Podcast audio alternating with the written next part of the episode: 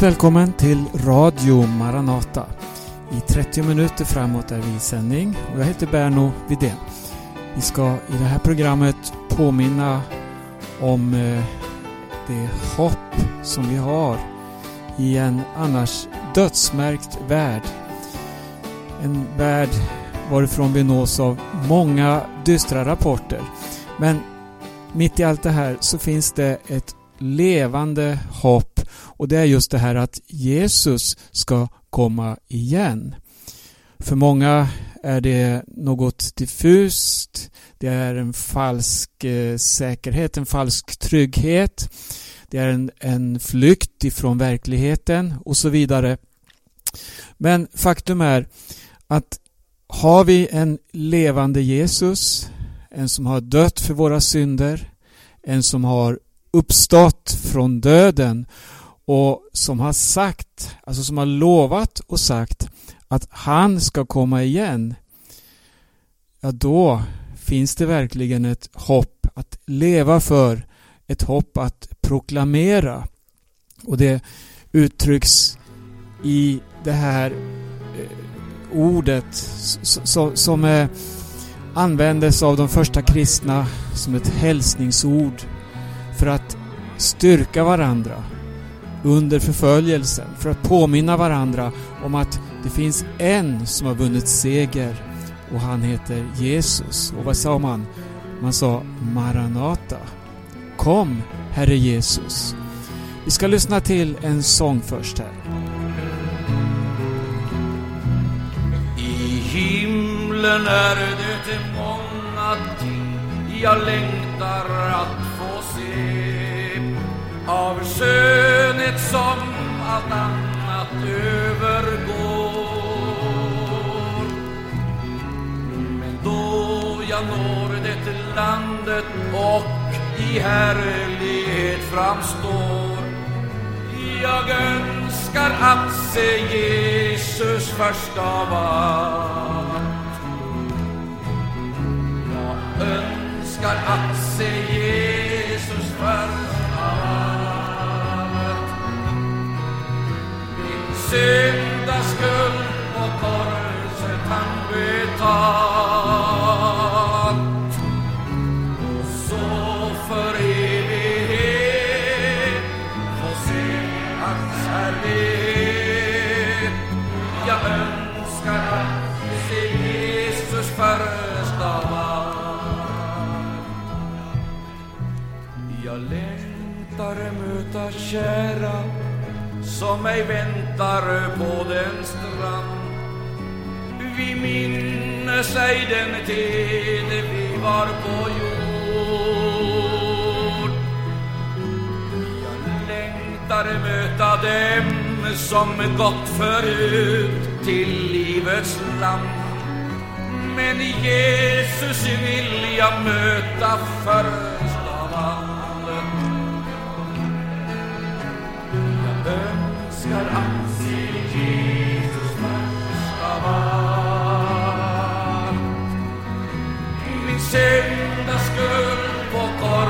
korset han betalt.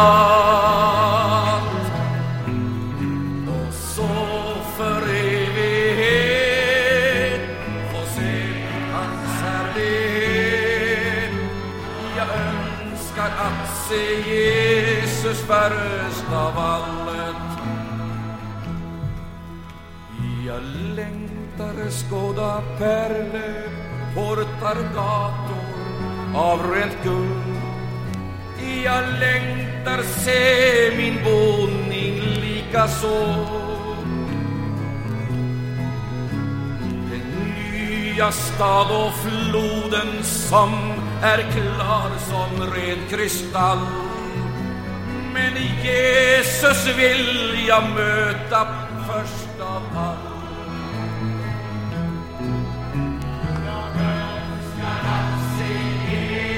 Först av allt. Min syndaskuld på korset han betalt. Jag önskar att se Jesus först av allt. En liveinspelning från ett väckelsemöte för många år sedan. Arne Imsen ledde sången här. Budskapet om Jesu tillkommelse. Något så oerhört aktuellt och något så nedtystat. För det passar inte in i vårt dagliga liv, i vårt tänkesätt. Det passar inte in i vår syn på ekonomi, i materialismen. Budskapet om att Jesus ska komma tillbaka. Helt plötsligt så talas det här om något som ska bryta in i vår tillvaro på ett så radikalt sätt att allt vi har byggt upp det slås omkull. Det förlorar sitt värde. Vad, vad, vad, är det för något? Vad är det för budskap som vi, som vi talar om här? Ett budskap om Jesu tillkommelse. Det talar ju också om en slags evakuering. Att Jesus ska ju komma, som det står, för sin församling, alltså för att hämta hem de som tror på honom. Vi lever här på jorden. Vi har all vår trygghet här på jorden och det som omger oss här i tiden. Och nu talar vi om något som ligger bortom. Vad handlar det hela om? Är det ett budskap som, är förankrat i verkligheten? Eller är det bara utopier? Ja, vi ska se på, på eh, vad Bibeln säger. För att Bibeln, det är ju en, eh, en auktoritet i de här frågorna. Och vi kan inte bortse från det budskap som, som presenteras i de heliga skrifterna. Och här skulle vi behöva mycket tid och gå igenom egentligen bok efter bok, både i Gamla Testamentet och i Nya Testamentet och se vad, vad finns det för ett eskatologiskt budskap som eh, vi behöver känna till. Ja, faktum är att eh, en sak, Bibeln talar om sådant som ska bestå för alltid. Och då handlar det definitivt inte om de materiella tingen. Om allt det här vi sätter vår eh, eh, förtröstan till. Det, det handlar inte om eh, olika politiska eh, konstellationer. Om det är en eh, diktatur, om det är kommunistiskt. Eller om det är eh, fascistiskt. Eller om det är en demokrati som vi lever i.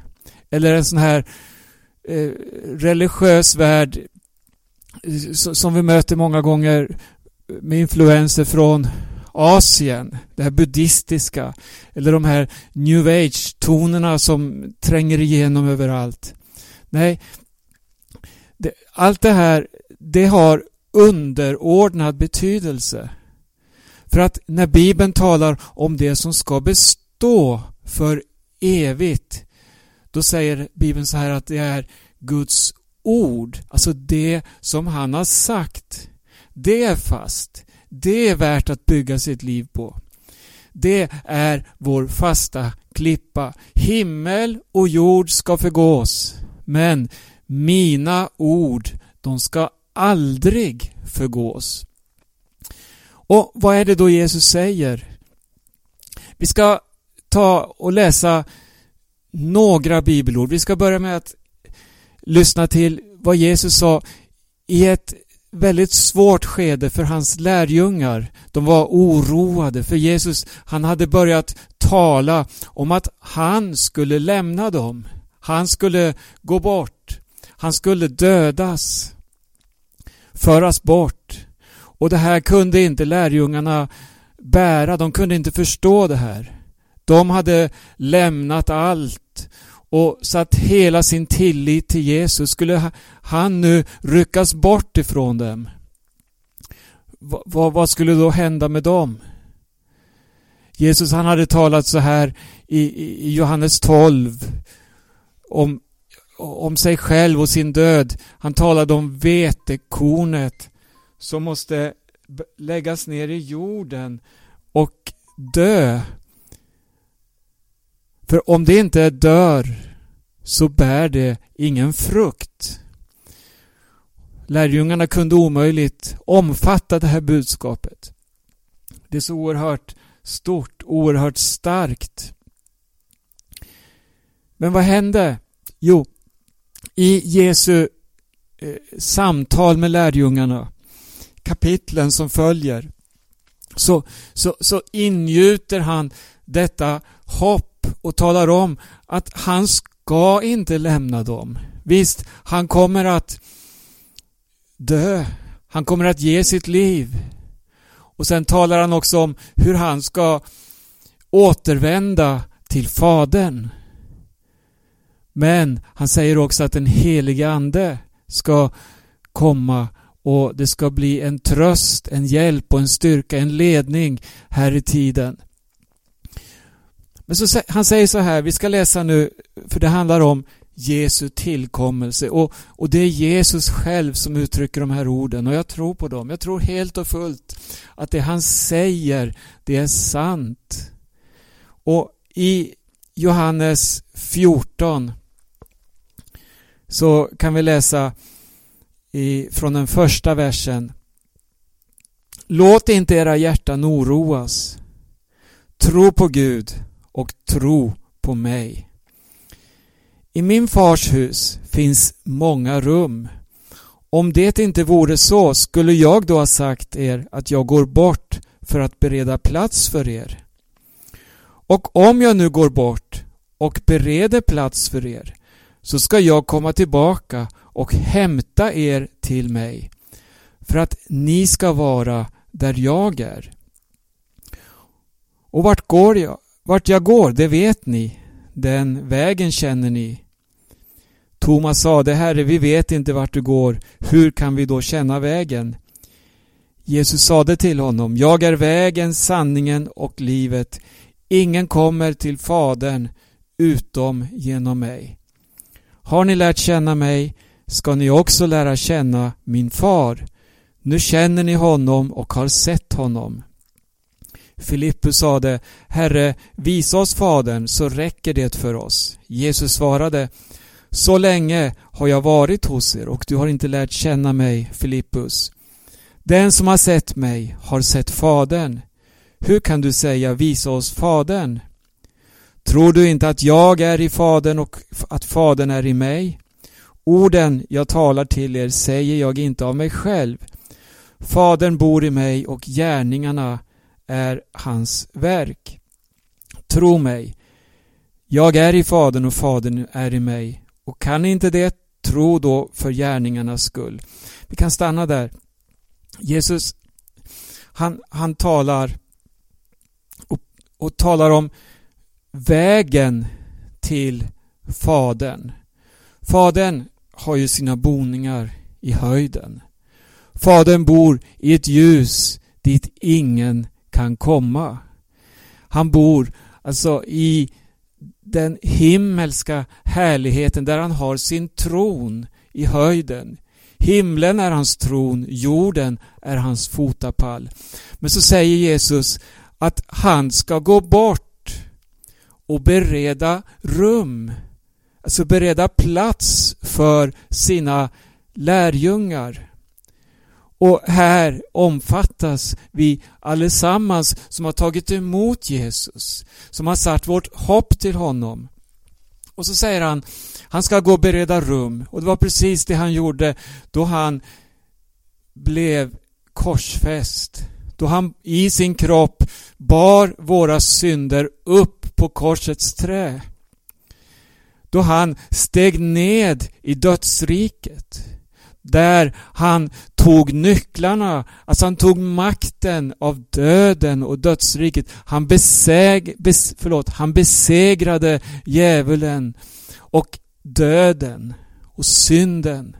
Så tog han nycklarna och befriade fångar som fanns i dödsriket och förde dem till paradiset. Han beredde verkligen plats.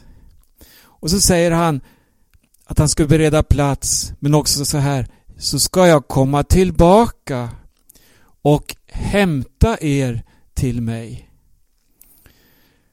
Det, det, här, det här är en oerhört stark vers. Jesus, vad är det han uttrycker? Han uttrycker en längtan, en önskan. Jag vill vara tillsammans med er. För att ni ska vara där jag är. Dels vet vi att Jesus uppstod från de döda. Han kom till sina lärjungar igen. Han visade sig. Han, eh, den uppståndne Jesus uttryckte på så många sätt sin, sin oerhörda kärlek till sina lärjungar. Han var så utgivande i allt. Och så, och så gav han allt till dem. Och, och, gav dem denna befallning att de skulle vara hans missionärer här i tiden att gå ut och förkunna evangelium. Och så lovade han, jag ska vara med er in till tidens ände. Han kom alltså och han kom tillbaka på det sättet. Men det står också att här, här att han ska hämta oss till sig. För att ni ska vara där jag är. Vi lever här i tiden, vi har Jesus med oss. Han manifesteras genom den helige Ande, alltså den tredje personen i gudomen. Han manifesteras och han är närvarande och ger styrka och kraft för att vi ska kunna vara hans vittnen här i tiden och förmedla detta hoppets budskap till varje människa. Men det finns någonting mer. Han vill att vi ska vara där han är. Inte bara här på jorden och Jesus vara i himmelen. Nej, det, det, det, finns någonting som talar om att han ska komma tillbaka i synlig bemärkelse. Konkret. För att konkret fullt ut vara tillsammans med sin församling. Aposteln Paulus, han uttrycker detta på ett oerhört sätt i, i, ja, vid flera tillfällen. Eh, då han skrev till församlingen i Thessalonika så, så, så har vi eh, kanske den mest tydliga beskrivningen om vad, vad denna tillkommelse innebär. Att han ska komma tillbaka. Paulus skriver så här och se här vilket kort perspektiv Paulus har. Kom ihåg här nu när han skriver till församlingen i Thessalonika så, så, så, så inkluderar Paulus sig själv i de händelser han beskriver, alltså det som handlar om tillkommelsen. Han sätter sanningen om Jesu tillkommelse som något närstående, som något som ska ske snart. Och det här har det häcklats med och, och man har påstått att Paulus hade fel. Men då har man inte förstått dessa andliga realiteter. För Herren är ett år, en dag som tusen år och tusen år som en dag. Och tiden vi har, det är en gåva, en dyrbar gåva. Vår tid här på jorden, den är ja, som sekunder på ett sätt.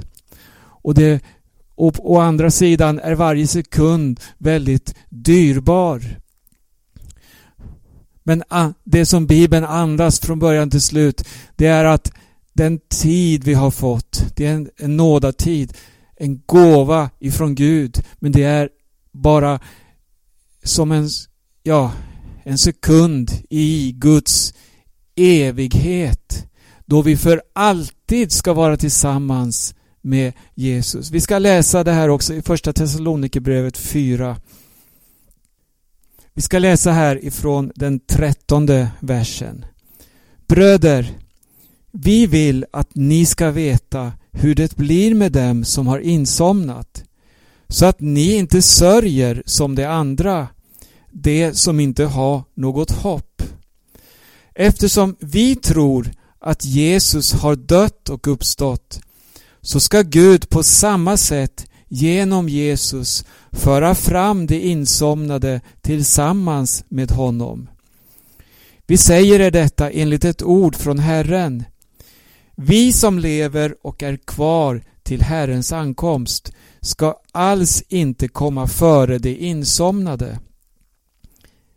När en befallning ljuder, en ärkeängels röst och en Guds basun, då ska Herren själv komma ner från himlen. Och det som har dött i Kristus ska uppstå först.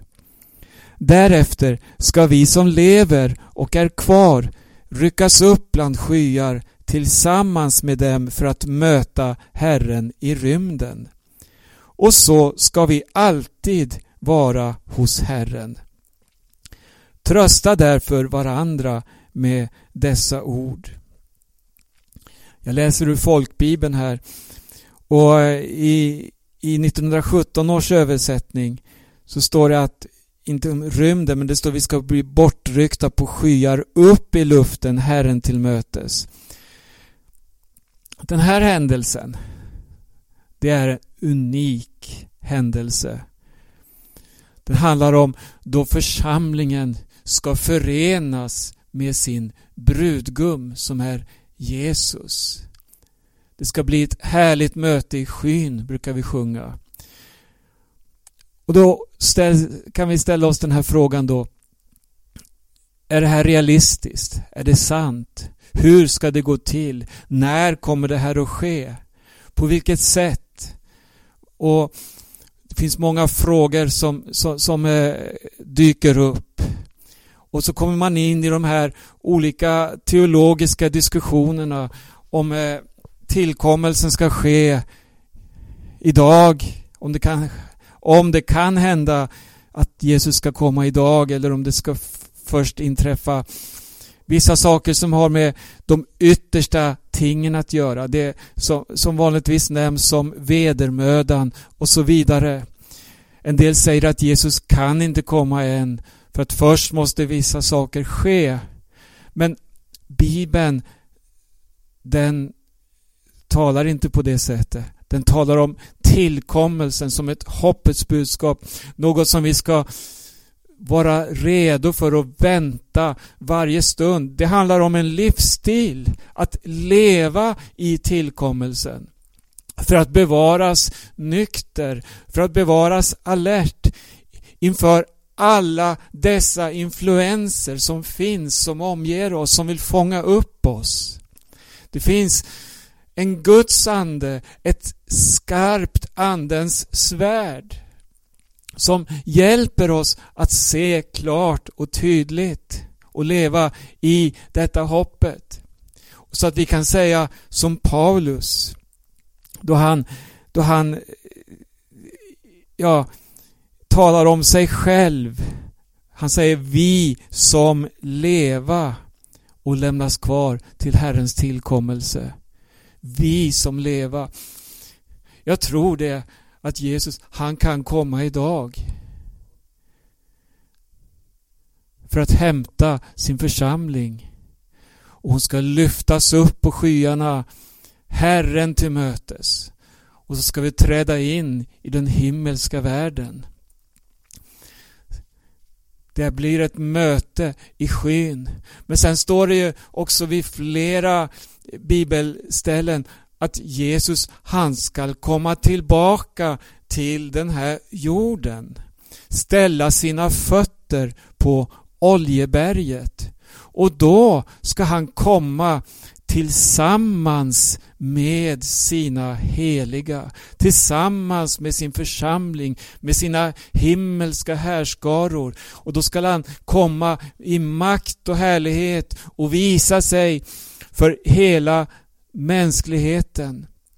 Och då ska han inta tronen i Jerusalem. Han ska sätta sig på tronen och så står det om hur det ska bli frid på jorden så som det aldrig har varit sedan syndafallet. Läs Första Mosebok kapitel 1 och 2.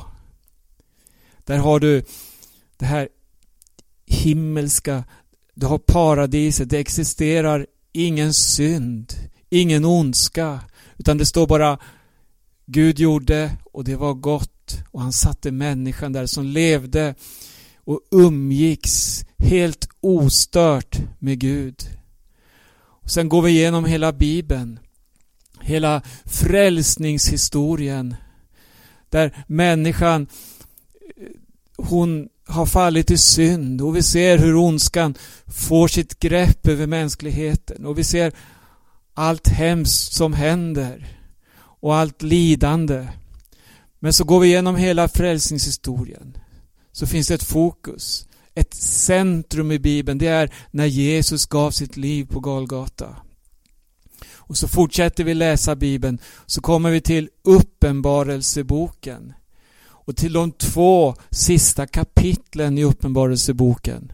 Vad möter vi där? Jo, att allting är upprättat. Det finns inte mer någon synd.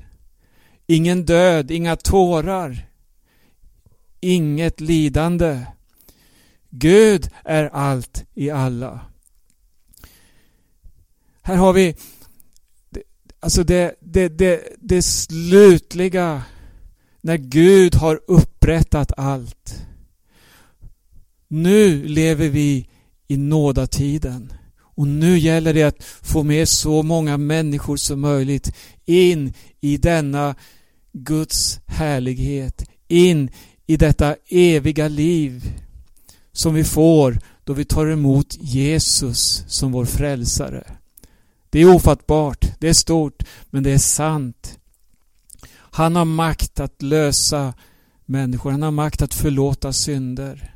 Jesus har makt att ge människan ett nytt hjärta så att hon blir född på nytt och får ett evigt liv som en gåva. Här skulle vi kunna fortsätta. Jag har bara läst två korta bibelcitat här nu om tillkommelsen. Det finns hundratals att påminna om och vi ska med all säkerhet återkomma till det om Herren dröjer och vi får leva. Men kom ihåg, han kommer snart. Gör dig redo att möta Jesus. Ta emot honom. Den som åkallar Herrens namn ska vara frälst. Jesus älskar dig och han vill verkligen att du ska få uppleva denna frälsning i ditt liv och få denna himmelska frid i ditt hjärta. Gud välsigne dig, säger jag, Berno Vidén härifrån Radio Maranata. Och vi sänder varje morgon klockan 8, måndagar och onsdagar klockan 18. Och du kan läsa mera på hemsidan maranata.se. Gud välsigne var och en.